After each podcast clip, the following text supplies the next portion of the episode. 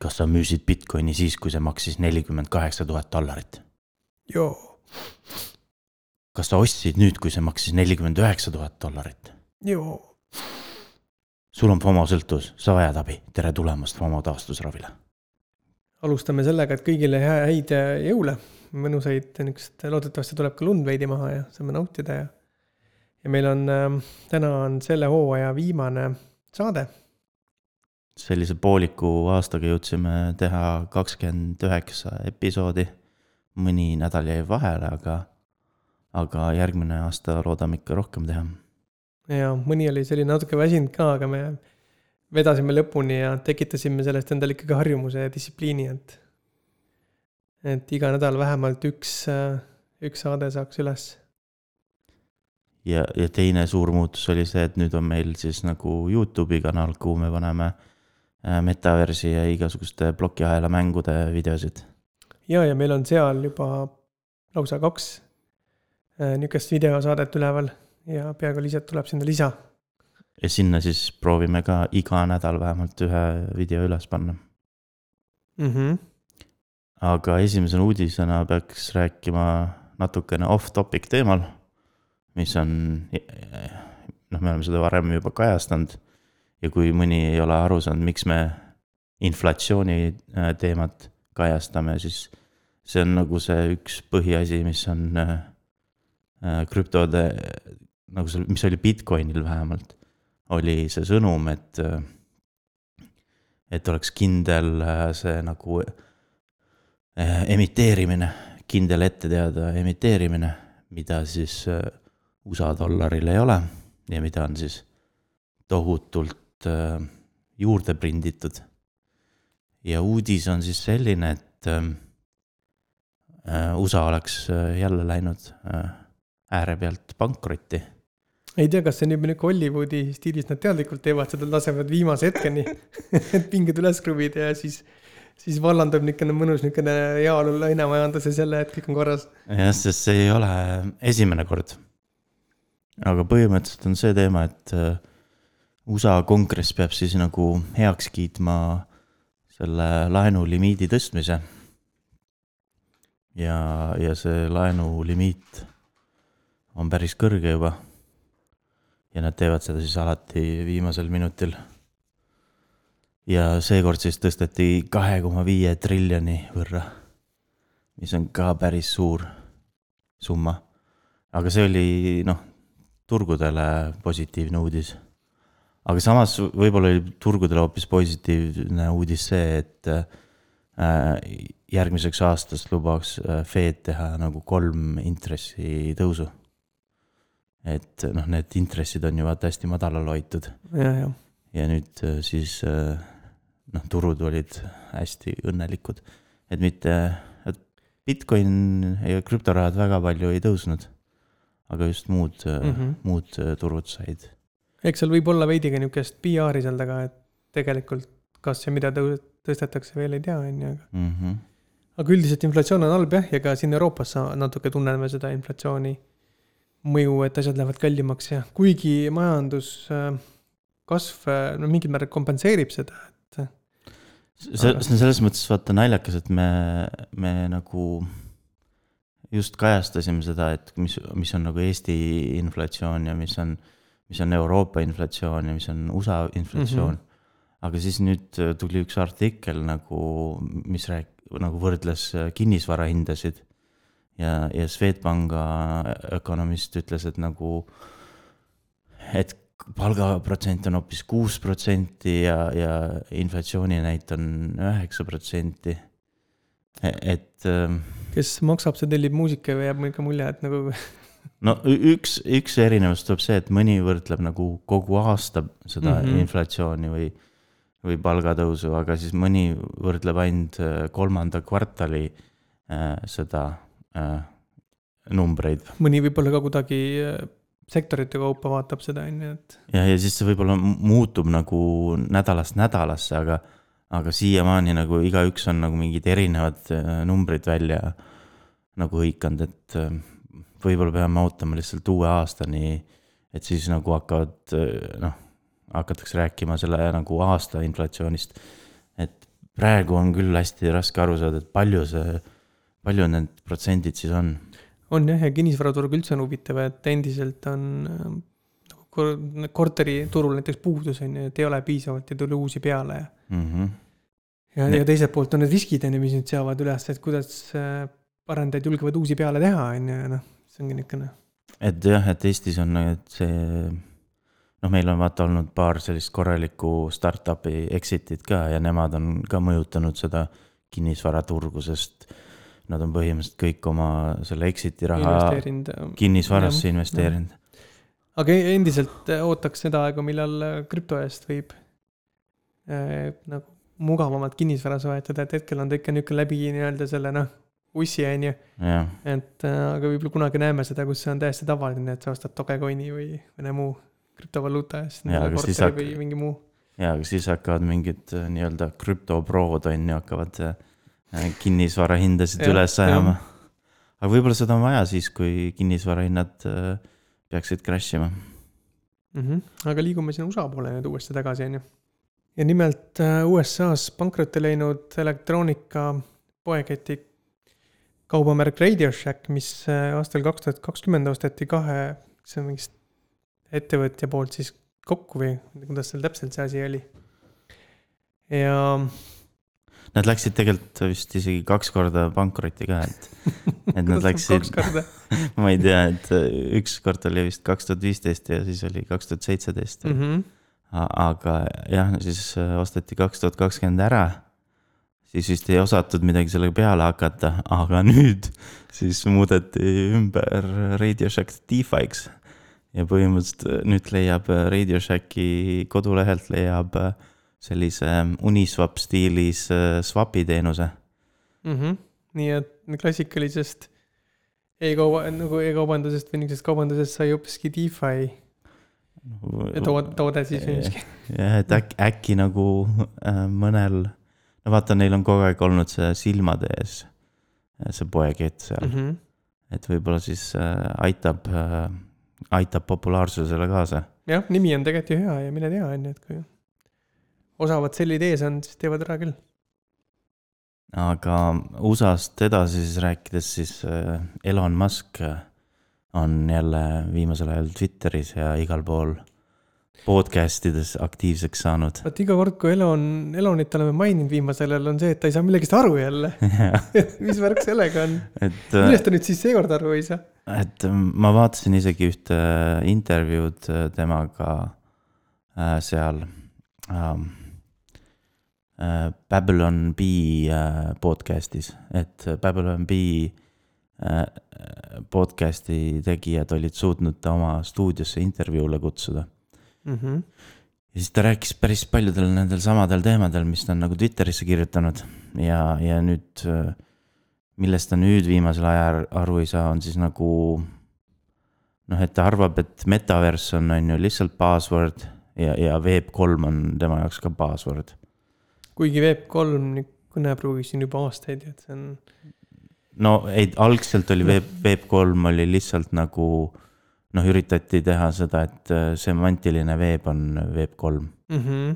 aga nüüd on nagu Ethereumi omad on nagu võtnud selle. siis oli nagu detsentraliseeritud veebilahendused, mis oli justkui nagu Web, Web3 on ju äh,. no IPFS läks sinna alla natukene, mingid sellised asjad. ma ei tea, kas seda on üldse kunagi varem mainitud, et, et see oli ma mäletan, kui oli Web3 all mõeldi lihtsalt semantilist veebi. okei okay., aga mitte täppe, mina mäletan just seda, et mm -mm. olid nagu täpid ja IPFS, et see, et siit no see on nagu detsentraliseeritud veebilehed ja mingid niisugused asjad. ei, see ongi nüüd minu arust viimase aasta jooksul nagu läinud popiks mm -hmm. ja, ja just Ethereumi inimeste poolt mm. -hmm. ja, ja siis nagu äh, Elon Musk isegi kirjutas nagu Twitteris, et, et kus see Web3 on, ma ei näe seda, on ju aga aga põhimõtteliselt noh, Web3 on tegelikult täiesti olemas asi, see ei ole, noh, see on käi-, täiesti käegakatsutav asi. tuleb lihtsalt äh, proovida, et äh, kasvõi see, et sa saad sisse logida oma MetaMaski äh, wallet'iga igasugustesse teenustele, noh näiteks kasvõi noh, see mäng, mis me nüüd viimati Youtube'is üles laadisime, Decentraland mm, -hmm. et sul ei ole seal mingit kasutajanime ja paroole ja ma ei tea, mida veel, et vaid sa lihtsalt nagu logid sisse või noh, registreerid ja logid sisse äh, Metamaski wallet'iga, et see on juba üks osa sellest äh, Web3-st.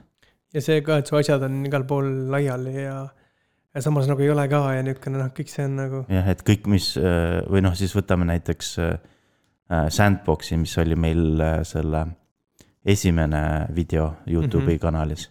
Et Sandboxis on ka niiviisi, et sul on kõik need NFT-d on, on sinu selle, selle seotud selle MetaMaski selle wallet'i selle aadressiga nad on seal selle ja, ja kui sa sinna mängu lähed, on ju, siis, siis näidatakse sulle selle aadressi pealt olevaid NFT-sid. et äh, meil tuleb veel üks äh, video järgmine nädal, äh, mis on siis, mis näitab, kuidas sa saad isegi mitmes mängus neid samu NFT-sid kasutada, et, et. see Web3, kui, kes, kui paremini aru saada, ta on nagu niisugune tugevalt interaktiivne ja detsentraalselt äh, ligipääsetav mingisugune asjade kogum, on ju, et see, see mm -hmm. data on sul igal pool ja. et võib-olla kõige lihtsam on äh, mõnel võib-olla aru saada, et sa ei pea enam tegema mingit äh, nagu seda äh, nagu kontode balanssi ei pea hoidma oma kuskil MySQL-i serveris, vaid sul on kogu see nagu nii-öelda see accounting on, on plokiahelas mm. -hmm. et mis kuradi, mis need äh, krüptorahad äh, sul on olemas, mis äh, NFT-d sul on olemas, et see, need kõik hoitakse nagu mm -hmm. äh, plokiahelas. ja miks veeb, on see, et see kõik on veebipõhiselt kättesaadav. Jah, aga samas sa võid sellega ehitada vaata nagu programmi sisse mm, -hmm. et see ei pea olema noh, ting-, ilmtingimata veeb mm. -hmm. et noh, mõni üritab sinna Web3 alla veel muid asju pressida. aga, aga praegune see Ethereumi inimeste nagu narratiiv on, on nagu lihtsam. aga noh, ma soovitan ka vaadata seda, seda Babylon B äh, taskuhäälingut, et äh, huvitav intervjuu. et kui, kui see kunagi ta oli Joe Roganis äh, kanepit suitsetas ja rääkisid mm -hmm. teemadest, siis see, see intervjuu mulle nii väga peale ei läinud aga see Babylon B oma oli nagu, oli nagu selles mõttes lõbusam, et nad noh, Babylon B on nagu satiiri lehekülg mm. -hmm. et äh, siis äh, nad tegid natuke nalja ka. juba meelestatus on niisugune vaba, vabam on ju, või noh teistmoodi. kuigi, et kõik, kõik naljad ei nii-öelda ei ländinud, on ju, korralikult, siis siis noh, ise, ise said, noh, kui saatejuhid nagu ei naernud, on ju, tema nalja üle mm. -hmm. või ei saanud tema naljast aru, siis, siis vähemalt kuulajad äh, võivad äh, mõnd-, mõndadest naljadest paremini aru saada. Ja Magellan pole ainukene, kes on siin Web3-e suhtes nagu niisuguseid vastakaid arvamusi. jah, et äh, Jack Dorsey, et nüüd äh, ta näitab oma seda Bitcoini maksimalismi välja et ja nüüd see põhimõtteliselt seletab ka tegelikult võib-olla noh, mõni vähemalt ähm,. tal on niisugune vaba aeg praegu või niisugune no,. Mõni... saab vähe tuult välja, et. jah, et mõni nagu nüüd äh, saab nagu tagantjärgi nagu aru või noh, spekuleerib, miks ta Twitterist nagu lahkus, et äh, no talle ikka see Ethereum ei, ei meeldi, et äh, ta on ikka puhtalt Bitcoini mees ja, ja siis ta nüüd kritiseeris Web3-e et see ei ole piisavalt äh, detsentraliseeritud. sest kõik need Ethereumi nii-öelda nagu DeFi lahendused on tegelikult VC ehk siis venture capital'i rahadega. Või siis üldse nagu mingite vaalade rahadega no, nagu. talle võib see ka vastukarva olla, et väga paljud Web3 asjad on, ongi Ethereumi ja. põhjal on ju, et siis see võib talle natuke nagu pin-, pinnuks silma selle, et no ja, ja sest sa ei saa neid asju teha selle Bitcoiniga, sest või noh, kui sa saad, siis see, see ei ole nagu, siis ta on nagu mingi teise selle noh, layer'i peal on ju, ehk siis Bitcoinil on RSK ja, ja. see ökosüsteem on juba pisut teistsugune, on ju. jah, et on veel liquid, kus, kus sa saad nagu neid smart contract'e, aga keegi ei arenda seal mitte midagi, et noh, et kui sa kui sa, kui sa nagu otsid äh, mingeid DeFi lahendusi Bitcoini peal, siis on nagu tuul puhub põhimõtteliselt. et neid ei ole väga palju mm. -hmm. aga ja sest põhiaction käib kõik Ethereumi peal.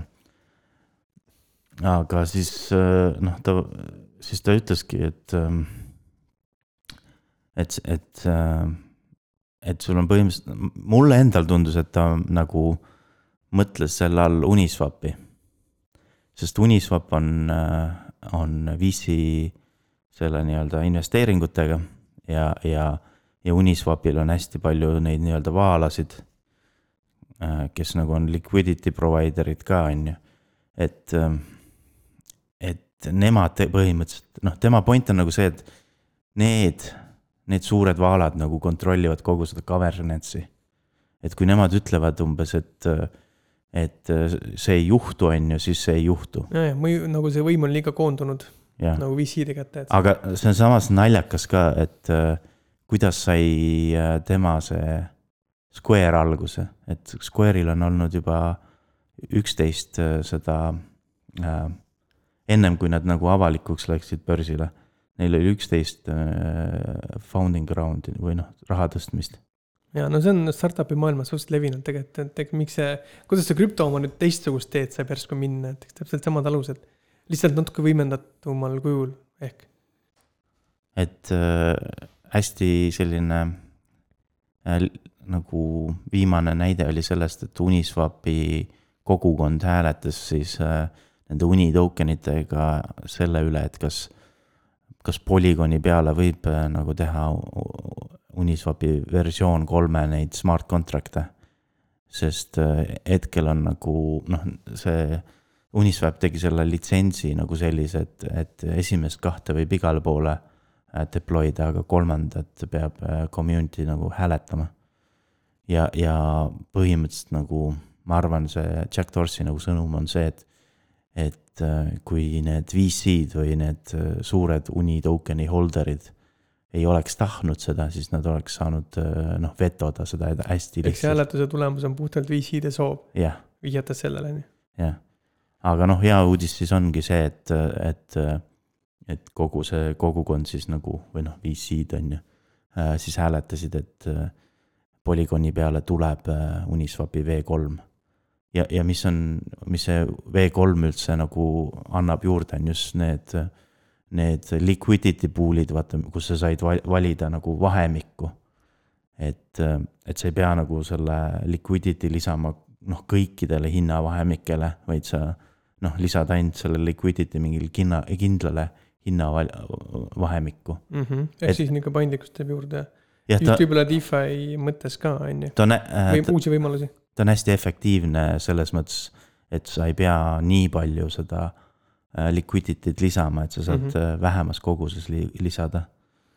okei okay,, aga meil on äh, maailmast üks põnev, noh, ta vist ei olegi enam kõlakas, ta on juba natuke nagu uudis, on ju, aga kui see asi juhtub, siis, siis ma usun, et tuleb NFT-de buum täielik, sest selline platvorm nagu Instagram, mida väga paljud turundajad ju kasutavad igapäevaselt ja praktiliselt kõik brändid on mingil kujul Instagramis olemas oma niisuguse igapäevase sisuloomega, muuhulgas kõik influencer'id, et kui nüüd seal hakkavad influencer'id jagama oma NFT-sid või ma isegi ei kujuta ette, kuhu see kõik minna võib No. siis äh, võib midagi pöörast juhtuda, et jah, sest me rääkisime juba ühe, ühes oma esimestes saat-, saadetes ehk siis kolmandas saates rääkisime sellest kõlakast, et äh, Instagram kukku nagu kogus või kutsus kokku nagu inimesi noh, nagu arvamust avaldama, et mida nad tahaksid NFT-dega seoses näha oma platvormil.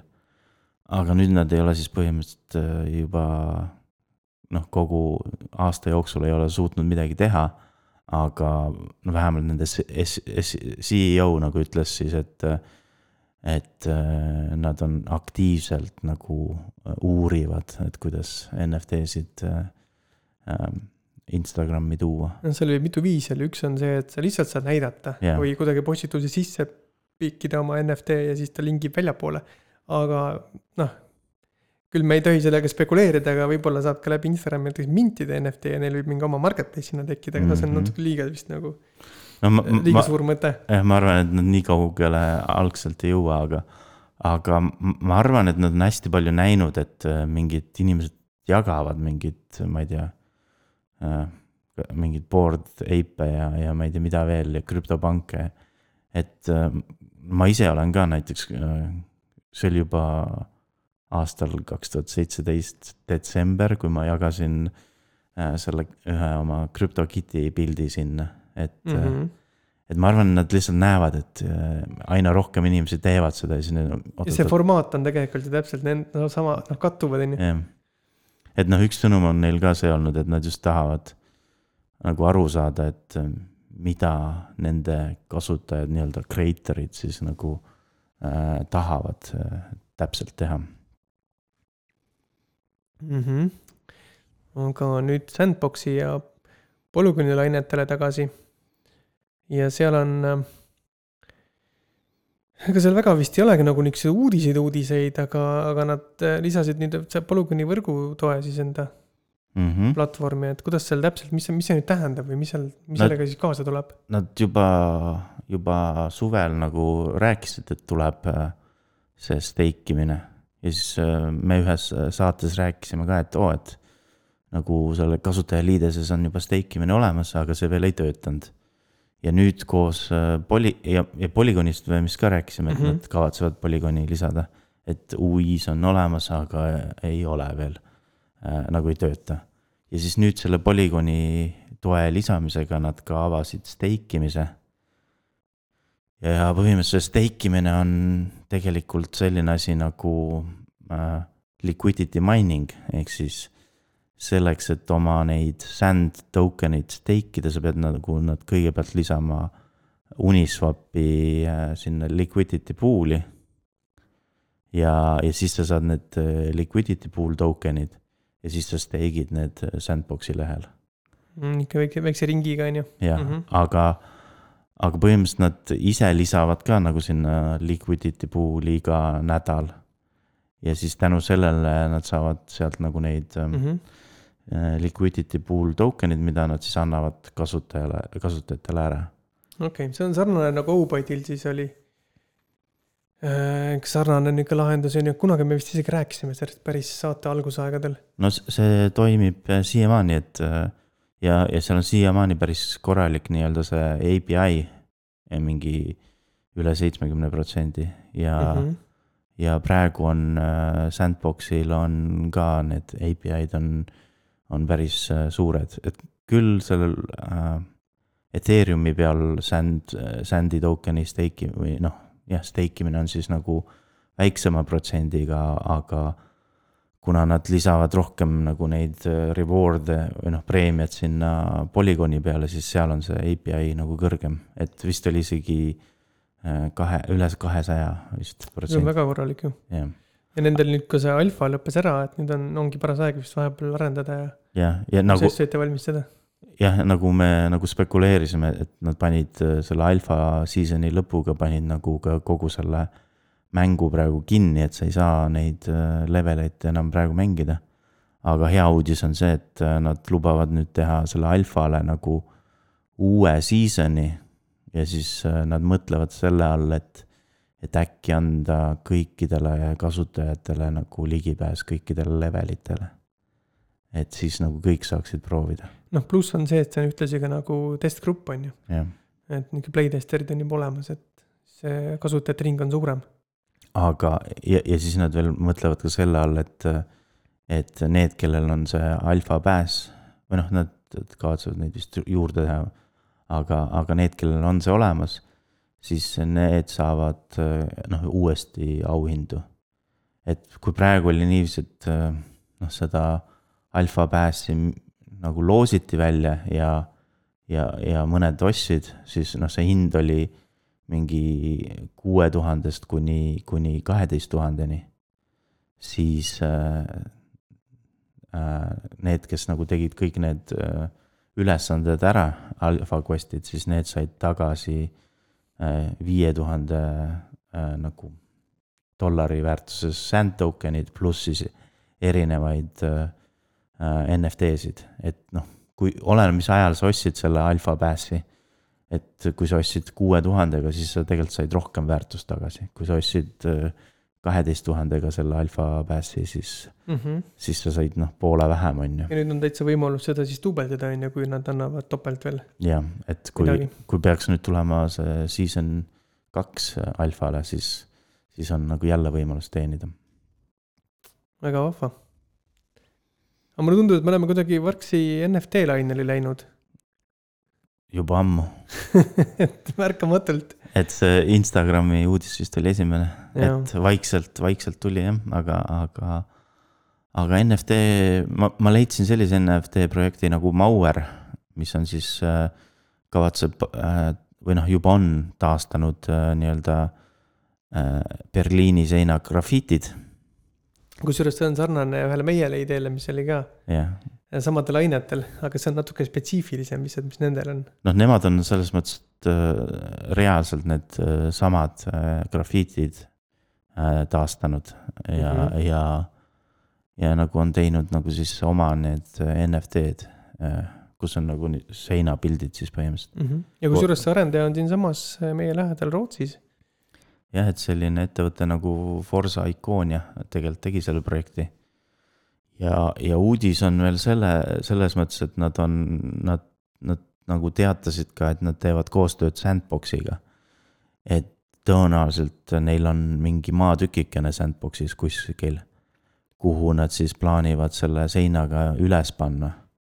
et siis hakkame nägema neid noh, reaalselt nagu Berliini seina äh, seal Sandboxis see on jällegi natukene uuenduslik ajaloomuuseum, virtuaalne, jah, aga see see on täpselt nagu see, nagu see VR teema, et. Et noh, et me, me ei tea, kui pikk see tuleb. aga noh, see tõenäoliselt ikka ei ole kogu see Berliini se- sein, sest see Berliini sein oli noh, tegi Berliini pooleks ja siis tegi ühelt poolt veel ringi peale. aga noh, kõige see populaarsem osa Berliini seinast oli ikkagi see nagu kesklinn ja mis siis, kus see nagu ka täis grafiititi ja esimesena maha tõmmati. Igal juhul väga äge niisuguseid projekte näha, et see haridus ja teadmised tulevad virtuaalselt äh, lähemale ja nagu kuidagi intuitiivsemalt tarbida, on ju, et et paljud inimesed, kes ei saa endale reisimist lubada, võib-olla seda koha peale vaatama, saavad seda teha virtuaalselt ja mitte ainult internetis guugeldades ja seda lugedes ja vaadates võib-olla pilte, siis nad saavad seal nagu ise, ise kohal olla nagu siis oma nii-öelda virtuaalse minaga ja see kogemus on hoopis teine. Ja, ma arvan, et äh, noh, Sandboxil on veel selliseid uudiseid tulemas, kus, kus selliseid huvitavaid projekte tahavad sinna, sinna nagu platvormile või noh, metaverssi siis nagu siseneda. jah, ka niisugused ohtlikud kohad nagu ma ei tea, Tšernobõl või, või mingid muud sellised, kuhu ei saagi minna või, või, või niisugused, ma ei tea, üleüldse nagu kasvõi töötavad tuumareaktorid, et virtuaalsed niisugused teadmiste no see- tuurid, et kuidas, kuidas siis see asi töötab, on ju, et noh, muidu inimesi sinna võib-olla lasta, on ju, aga siis, siis saab minna või. no Tšernobõli sa saad minna tuurile, aga, aga võib-olla sa ei saa sinna igavesti minna. et, et või noh, kõikidesse kohtadesse, sest juba see, see äh, linn, mis seal kõrval oli, Pripjat, et seal on hästi palju selliseid äh, maju, mis, mis lagunevad ja võib-olla mingil hetkel nendele kõik polegi. kõikidele ei, ei, jah, ei ole enam Mhm. või nende kõikide lähedale enam ei lubata minna, sest noh, see võib kokku variseda. et noh, see tuleb kuhugi jäädvustada. ja miks mitte metaversi. Mhm. Um, mängutootjad ja antud juhul äh, Ubisoft nüüd jälle vahelduseks, et nüüd kordamööda nad saavad vastu näppe, et. et nüüd on, nüüd on noh, nemad olid ka üks, kes tegi siis nagu NFT-d esimesse mängu, on ju, ja, ja ja, noh, ja nad saavad nüüd selle noh, endiselt veel saavad äh, meedialt nagu nii-öelda, meedia nagu tümitab seda Ubisofti ja noh, kõige nagu selline vokaalsem on olnud see Kotaku lehekülg kes mm. -hmm. nagu igapäevaselt lihtsalt kirjutab uue mingi artikli, noh, kuidas äh, Ubisoft kõike valesti teeb. et noh, natukene minu meelest nagu tundub nagu selline küberkiusamine. on jah, see on nii palju kiusad, kui lõpuks hakkad nagu, nagu lõpuks mingiks see muutub, ah nad ongi esimesed ja tegid õigesti. aga on siis vaja kõike seda eelnevat, on ju, et kui kriitika peaks olema konstruktiivne, mitte lihtsalt põhimõtteline.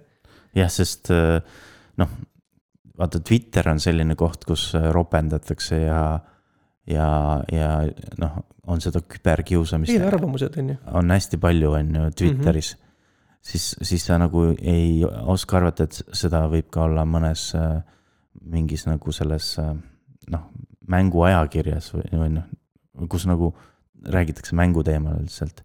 ja siis need Kodaku artiklid on põhimõtteliselt noh, sellised, kus, kuhu lähevad noh, täpselt seesama äh, Twitteri suhtumine läheb ka sinna artiklisse sisse, et põhimõtteliselt noh, kasutatakse neid roppe sõna, mida, mida meie ära piiksume äh, selles oma mängude videodes on ju, et Mm -hmm. et neid, isegi seda kasutatakse artiklides on ju.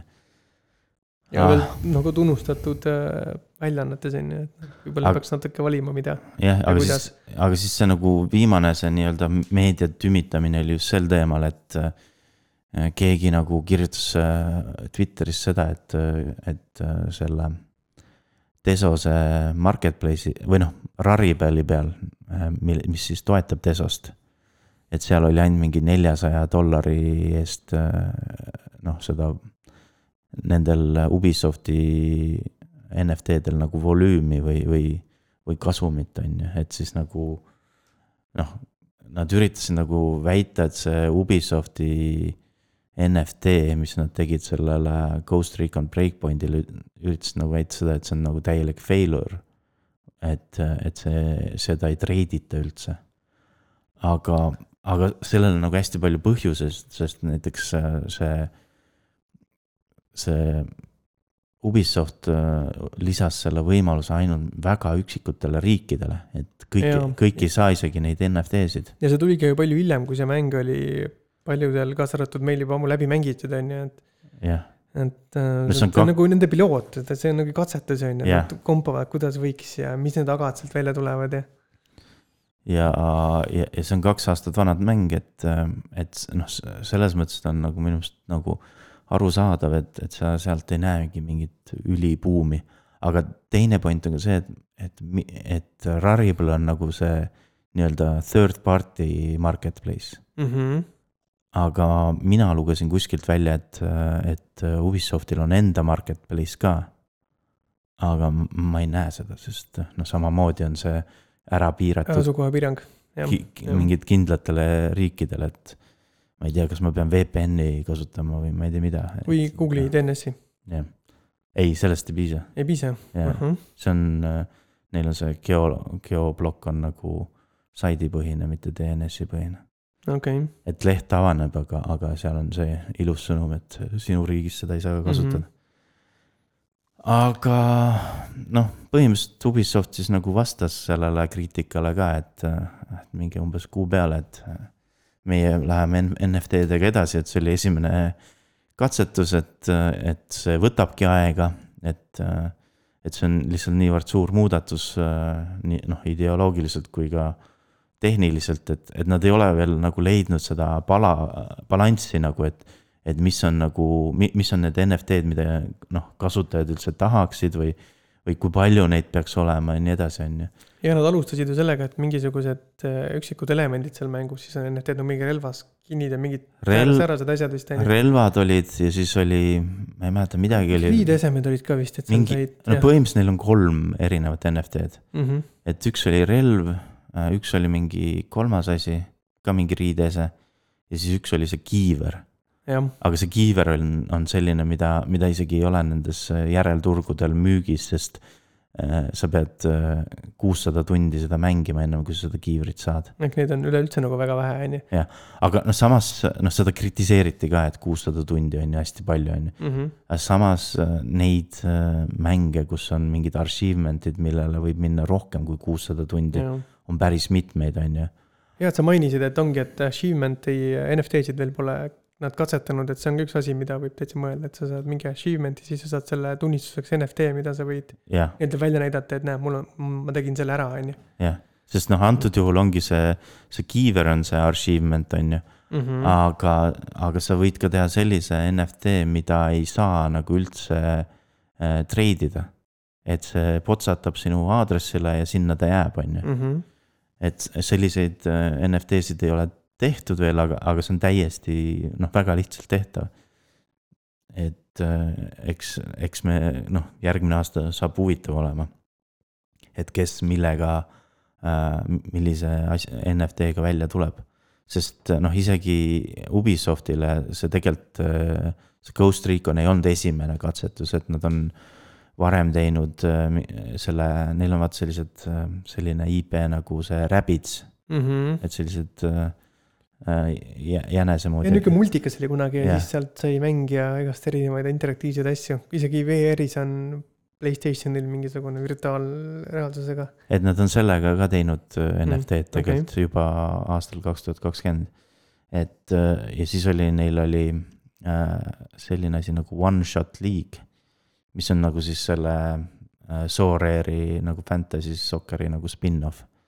et sellele tegid NFT-d ja, ja siis neil on ka oma nagu accelerator nagu noh, kuna see on nii suur ettevõte, siis neil on nagu Alex, accelerator programm, kus on erinevad startup'id, kellest Mm -hmm. kellest ka nagu pooled olid kõik, kes sinna said, olid äh, seotud kuidagi plokiahelaga. et ma arvan, et Ubisoft äh, äh, võib olla noh, see üks nagu see nii-öelda teelükkajaid. ja järgmine aasta tuleb ülipõnev selles valguses. Aga mängudest veel, et niisugune siis, na- kes ta siis on nagu, ta on nagu publisher või arendaja, publisher mõlemad.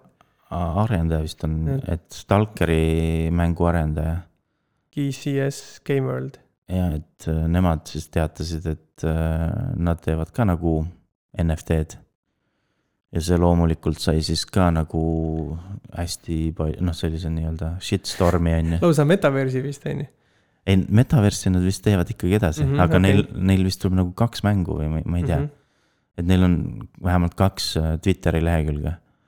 aga, aga noh, mängurid olid jälle siis nagu pist, on ju äh, kohe nagu launch isid sellise küberkiusamise rünnaku jälle, on ju. vaata, tead, mis palju võib-olla see, et äh, väga palju võib-olla just noori ja võib-olla mängurite seas neid, kes on rongist maha jäänud. jah, ja siis nad tunnevad ennast natuke nagu petetuna, et nad ei arvanud, et krüpto võib mängumaailma tulla ja muutuda nii oluliseks nende elus, et Ja, nagu kurat, on ju, noh. Miks ma ennem seda ei teadnud? jaa, aga need on alles esimesed ja. mängud, nii et sa ei Jah. ole mingist rongist ole, noh maha jäänud. mm.. aga põhimõtteliselt nad said, noh, see. ma ei mäleta, kas nende videosid ka download iti, ei, see oli Ubisoft ainult. Mm -hmm. aga põhimõtteliselt noh, see arendaja siis nagu üritas nagu seletada midagi ka umbes, et noh, et see. et me teeme nagu selle NFT drop'i nagu enne mängu ja, ja see ei hakka mängu kuidagi noh, nagu mõjutama, on ju.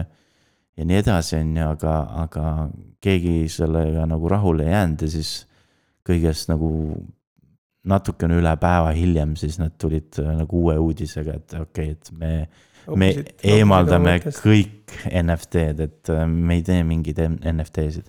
kahju, et mänguritest on saanud nii suured küberkiusajad, et see on tegelikult kurvastav. Toredad inimesed, aga nende iseloom seal taga on kahju tihtipeale niisugune hävitav, hävitava loomuga. jah, ja kui Ubisoft nagu saab öelda, et äh, noh, et äh, noh, et meil on nagu selge visioon, me teame, mida me teeme. me oleme seda asja nagu uurinud või, või noh, mida, mida iganes, on ju. Siis, siis äh, Stalkeri arendajad, noh, kes teevad seda.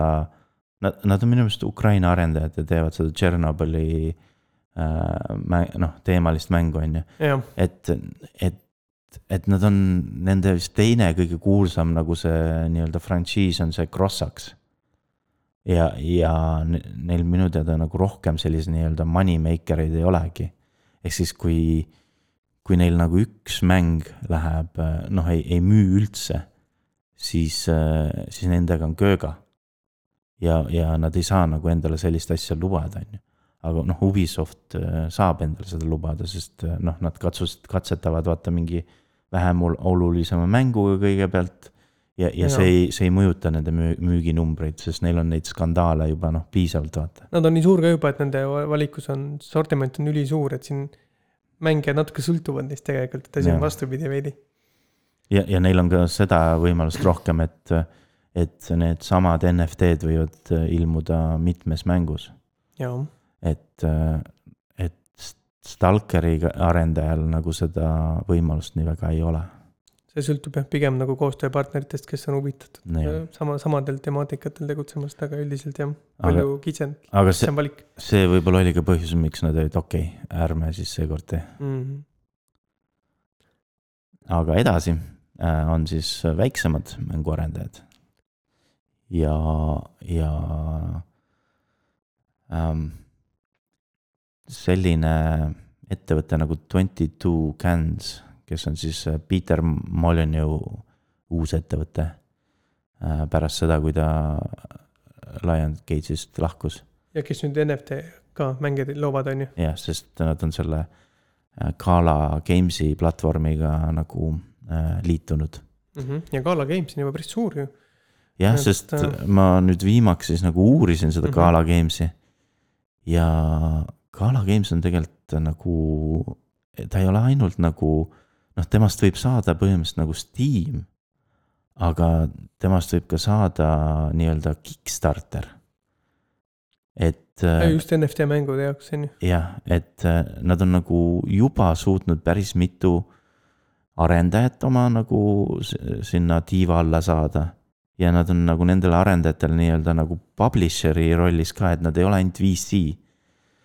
ja, kuna ja, neil on väga hea vaata varasem taust just niisuguste mikro ja casual mängudega, ja siis see annab neile tohutu eelise ilmselt. jah, sest nagu äh, vist oli eelmises saates, kui me rääkisime, et selle Gala Games'i founder on tegelikult äh, ju see üks äh, Sünga founder itest. et siis neil on nagu see nii-öelda know-how on ka olemas. jaa, aga sul on ka huvitav numbreid veidi välja tuua. jah, et äh, ma siis nagu uurisin seda Gala Games'i lehekülge ja siis ma vaatasin, et mis on nagu selle Legacy mängu need äh, NFT-d. ja, ja mis ma, mis ma avastasin, on see, et enamus NFT-d on juba maha müüdud. et seal on mingid väga üksikud on, on järgi jäänud. ja siis ma lõin kokku need äh, kõikide noh, need, et palju nad praegu maksavad. ja, ja palju neid on müüdud Mhm. ja noh, ma ei tea, kui, kas see hind on nagu aja jooksul äh, muutunud. aga kui neil on pidevalt on hoid-, hoidnud seda, sest mulle tundus, et nad hoiavad neid hindasid nagu dollariga noh, nagu fikseeritud. Mhm. et konverteerivad, sest sa saad maksta nii äh, Ethereumis kui ka, kui ka Gala token'is kui ka, kui ka BAT token'is. BAT on siis selle Brave'i token, Brave brauseri token mm. Mhm. et mulle tundus, et nad hoiavad äh, dollari väärtuses seda. ja kui ma need kõik numbrid kokku lõin, siis, siis ma avastasin seda, et nad on juba müünud viiekümne miljoni eest äh, NFT-sid. väga korralikud numbrid. Ainuüksi see Legacy mäng. mis tähendab seda, et, et põhimõtteliselt äh, kui, kui see Peter Molyneux tegi äh,, vist oli kaks tuhat viisteist või, või ma ei mäleta, mis aasta see oli, kui ta tegi selle, selle crowdfunding'u sellele kodusmängule, siis ta sai alla miljoni dollari äh, seda äh,, tõstis raha rahastust jah mm. -hmm. ja, ja, ja viis protsenti sellest läks ka Kickstarterile. me, me ei tea, palju, palju nüüd nagu Gala Games endale võtab sellest äh, raha tõstmisest. aga põhimõtteliselt on, on äh, see Twenty Two Cans või äh, tõstnud nagu põhimõtteliselt oma arendamiseks viiskümmend miljonit. ja, ja viiekümne miljoni eest äh, põhimõtteliselt äh, sa saad päris korraliku mängu juba teha. saab teha nii mõndagi jah, ja saab ka seda kindlust, et, et sa oled õiget asja teinud, on ju, see community on sul ikkagi taga ja, ja seda kindlust ka, et äh, nad äh, jätkavad selle arendamist mm, mm. -hmm. sest mis, mis sai nagu selle kodusel, kodus äh, või kades äh, mängu nagu see, nagu saatuslikuks oli see, et äh, nad ei tõstnud esiteks piisavalt raha, noh, nad tõstsid ainult nagu prototüübi jaoks raha äh,. ja siis äh, inimesed ei ostnud seda, sest noh, sellest räägiti nii palju halba, on ju. ja, ja siis neil siis nad ei, ei saanud selle Curiosity mängu võitjale ei saanud äh, äh, nagu seda profit'it maksta, mida nad lubasid. ja siis äh,, ja siis nad ise ei teeninud sellest mängust ja siis nad ei saanud seda mängu edasi arendada. aga nüüd selle Legacy mänguga seda probleemi ei ole, et äh,, et äh, et sellest võib tegelikult isegi asja saada. ja, ja meil on siin, noh, me oleme viimasel ajal sellest rääkinud, ühiskonnas on see hästi aktuaalne, Eestis on praegu see eriti aktuaalne, et elektrihinnad on jube kõrged. ja gaasihinnad ja noh, üldse energia igal pool, see on nii, noh, nagu A ja O on ju, et ja siis, ja siis on veel omakorda see nagu, kuidas öelda, üksteise üksteisele siis ülevalt alla, alt üles vaatamine, et kas siis nagu rohkem raiskavad energiat krüptofanaatikud ja kasutajad mainimine või siis mängurid või on see mingi kolmas asi ja siis. Siis nüüd on, või noh, mis nüüd, see on tegelikult mõnda aega juba olnud, aga me lihtsalt toome välja, kuidas siis saab tuvastada, kui palju sina oma mäng, mänguarvutiga energiat kulutad, on ju. jah, et, et kui, kui kellelgi jäi nagu eelmistest saatest, saatetest nagu äh, küsimus üles, et palju siis äh, ma tegelikult oma arvutimängudega äh, elektrit kulutan, siis äh, noh, kõigepealt äh, otsisin üles ühe nagu uuringu, kus siis nagu võrreldi, et mis on, kui palju siis nagu arvutimängurid äh, kasutavad nagu seda puhast energiat ja kui palju nad seda musta energiat kasutavad. kui palju üldse nagu kogu selle arvutimängu, mängimiste peale elektrit kulutab. ja, ja, ja palju siis nagu Bitcoinile kulub ja, ja sealt tuleb välja, välja, et tegelikult nagu ähm, mängimise peale kulub elektrit ligi mingi viiskümmend protsenti rohkem kui, kui Bitcoini peale, noh. E-, Ethereum muidugi põhimõtteliselt, kui, kui me võtame nagu Bitcoini pluss Ethereum, siis noh, tõenäoliselt võib-olla nad on fifty-fifty on ju. aga, aga, aga ainult Bitcoiniga võrreldes äh, äh, mängurid kulutavad rohkem ja siis äh,, siis ma ma pani, paneme ka linkidesse äh, viited äh, eri, nagu erinevatele kalkulaatoritele. Et äh, noh, kui sul on näiteks äh, suurem monitor või, või, või võimsam arvuti äh, ja sa mängid mingeid äh, ray tracing'u mänge, on ju, siis sul võib äh, see arvuti võtta nagu rohkem energiat ja, ja isegi konsoolid võtavad väga palju noh, erinevalt energiat. et äh, eelmise generatsiooni Playstation võib võtta rohkem energiat kui, kui uue generatsiooni oma. aga uuem generatsiooni oma võib vahest võtta rohkem, kui sul on jälle nõudlikum mäng. sõltub, mida sa mängid jah ja., jah, jah. et need kalkulaatorid teevad asja lihtsaks ja siis on, äh, on selline hästi mugav lehekülg on on isegi Eestis on elektrikell mm. -hmm. kus sa näed äh, ära äh, kellaajad, millal sa, millal on nagu soodsam äh, äh, nii-öelda mängida arvutimänge et, et börsihinna järgi. et ähm, seal on umbes, sa saad isegi nii teha, et umbes sa ütled, et ma nüüd tahan kolm tundi mängida ja siis ta ütleb sulle järgmise kellaaja, millal. võiksid seda alustada sellega. on kõige soodsam kolm tundi niiviisi järjest. mitte, et oma elu peaks nüüd selle järgi seadistama, aga, aga vahva projekt ja annab natukene mõtteainet. ja siis on veel selline lehekülg nagu can I switch on the light või can I switch on light, okei okay, jah, lihtsalt can I switch. võin lambid põlema panna. et, et see, see lehekülg on nagu selline noh, ülemaailmselt töötav mm. -hmm. et ta vaatab sinu IP järgi, et kus sa oled ja siis ütleb selle, äh, selle riigi nagu selle elektri hinna. aga ta võib, ta ei pruugi olla nii täpne Eestis, kui on mm -hmm. elektrikell, et, et kui oled Eestis, siis on elektrikell.ee on täpsem. jah, aga lõpetuseks on meil veel üks huvitav niisugune lipuke, nupuke või infokild, et siis mis on, mis on nüüdisaja trendid noorte seas? jah, ja just äh, miljonäride äh, äh, millenialite ja miljonäride seas ehk ja siis veel omakorda mil-, miljonärist millenialite seas. päris huvitav, huvitav kombinatsioon. Ja, ja siis veel äh, noh, võib ka tuua Gen Z nagu sisse, et siis on see kõige mm, -hmm. kõige nagu noorem või mitte kõige noorem, vaid peale miljonit äh, või seda aasta äh,, mitte aasta, peale sajandivahetust äh, sündinud. Eestis vist käivad vahepeal läbi ka need lumehelbekesed, et ma ei ma ei tea küll, kus see tunda on või miks, aga noh. niisugused veidrad asjad. aga põhimõtteliselt siis äh, on tehtud natuke statistikat. ja, ja kõik need või noh, põhimõtteliselt äh, avastati selline asi, et äh, kõik need millennialid ja Gen, Gen Z äh, inimesed on siis kes on miljonärid kelle nagu väärtus on üle miljoni mm. mm. -hmm. noh, kes näiteks omavad siis mingit korterit, mis on või noh, mitut korterit, nagu kogu vara poolest siis jah, et siis nendest kaheksakümne kolmel protsendil on, on krüptoraha.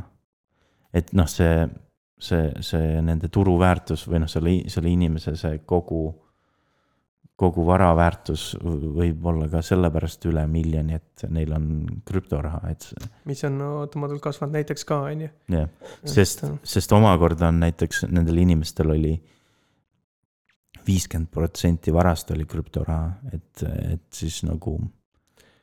Praegu on ka uudiseid palju, et äh, suured miljonärid, miljardärid äh, müüvad aktsiaid suure hooga. et äh, age-, need nagu hinnangu, reitinguagentuurid ütlevad, et see on sellest, et äh, et mitmekesistada turgu ja siis vahepeal natuke kasumit välja võtta ja noh, seal on palju erinevaid põhjuseid, on ju. Mhm. aga üks põhjus võib olla muuseas, et nad teevad endale vahendeid, et osta krüptot, on ju, et noh, see on lihtsalt hüpotees. jah, sest isegi Ray Dalio ütles, et, et Bitcoin on huvitav, noh. Aga noh, nendele millennialitele ja Gen Z jaoks on nagu Bitcoin on noh, natukene juba boomer coin on ju. aga, aga Ray Dalio põhimõtteliselt ütles, et, et noh, igalühel võiks olla mingi väikene osa, noh, kasvõi protsent võiks olla krüptorahas. mm. -hmm. ja siit oli ka huvitav see, et nad ostavad jõulukingituseks NFT-sid. et äh, väikene vihje ka neile, kes pole veel jõudnud kingitust teha, et soetage või looge ise mõni kergem NFT ja kinkige oma lähedastele. aga kas, kas sa oled äh, juba kinkinud äh, äh, NFT-sid oma? mina olen juba oma esimese NFT kinkinud Et- ja, ja ka jah, kusjuures. kas sa oled juba kellelegi kinkinud? jah, sest ma juba kinkisin, ma ei mäleta, kas see oli kaks, jah, see oli juba kaks tuhat seitseteist, et ma kinkisin äh,, andsin lihtsalt ära äh, selle krüptokitise. Väga vahva. et ma olen ka andnud muidugi noorematele pigem, et, et ma ei ole veel seda teinud, et ma nüüd näiteks oma vanematele kingin, sest nad noh, nad tõenäoliselt nad ei oska veel ei oska sellega ringi käia või kuidas seda siis nagu turvata ainuüksi, on ju. no ja muidugi see ka, et, et siis, kui mina kinkisin kaks tuhat seitseteist, et ma nagu tegelikult tegin päris kingituse ka. et ma, ma ei läinud päris niiviisi, et siin on sul nagu äh, mingi noh.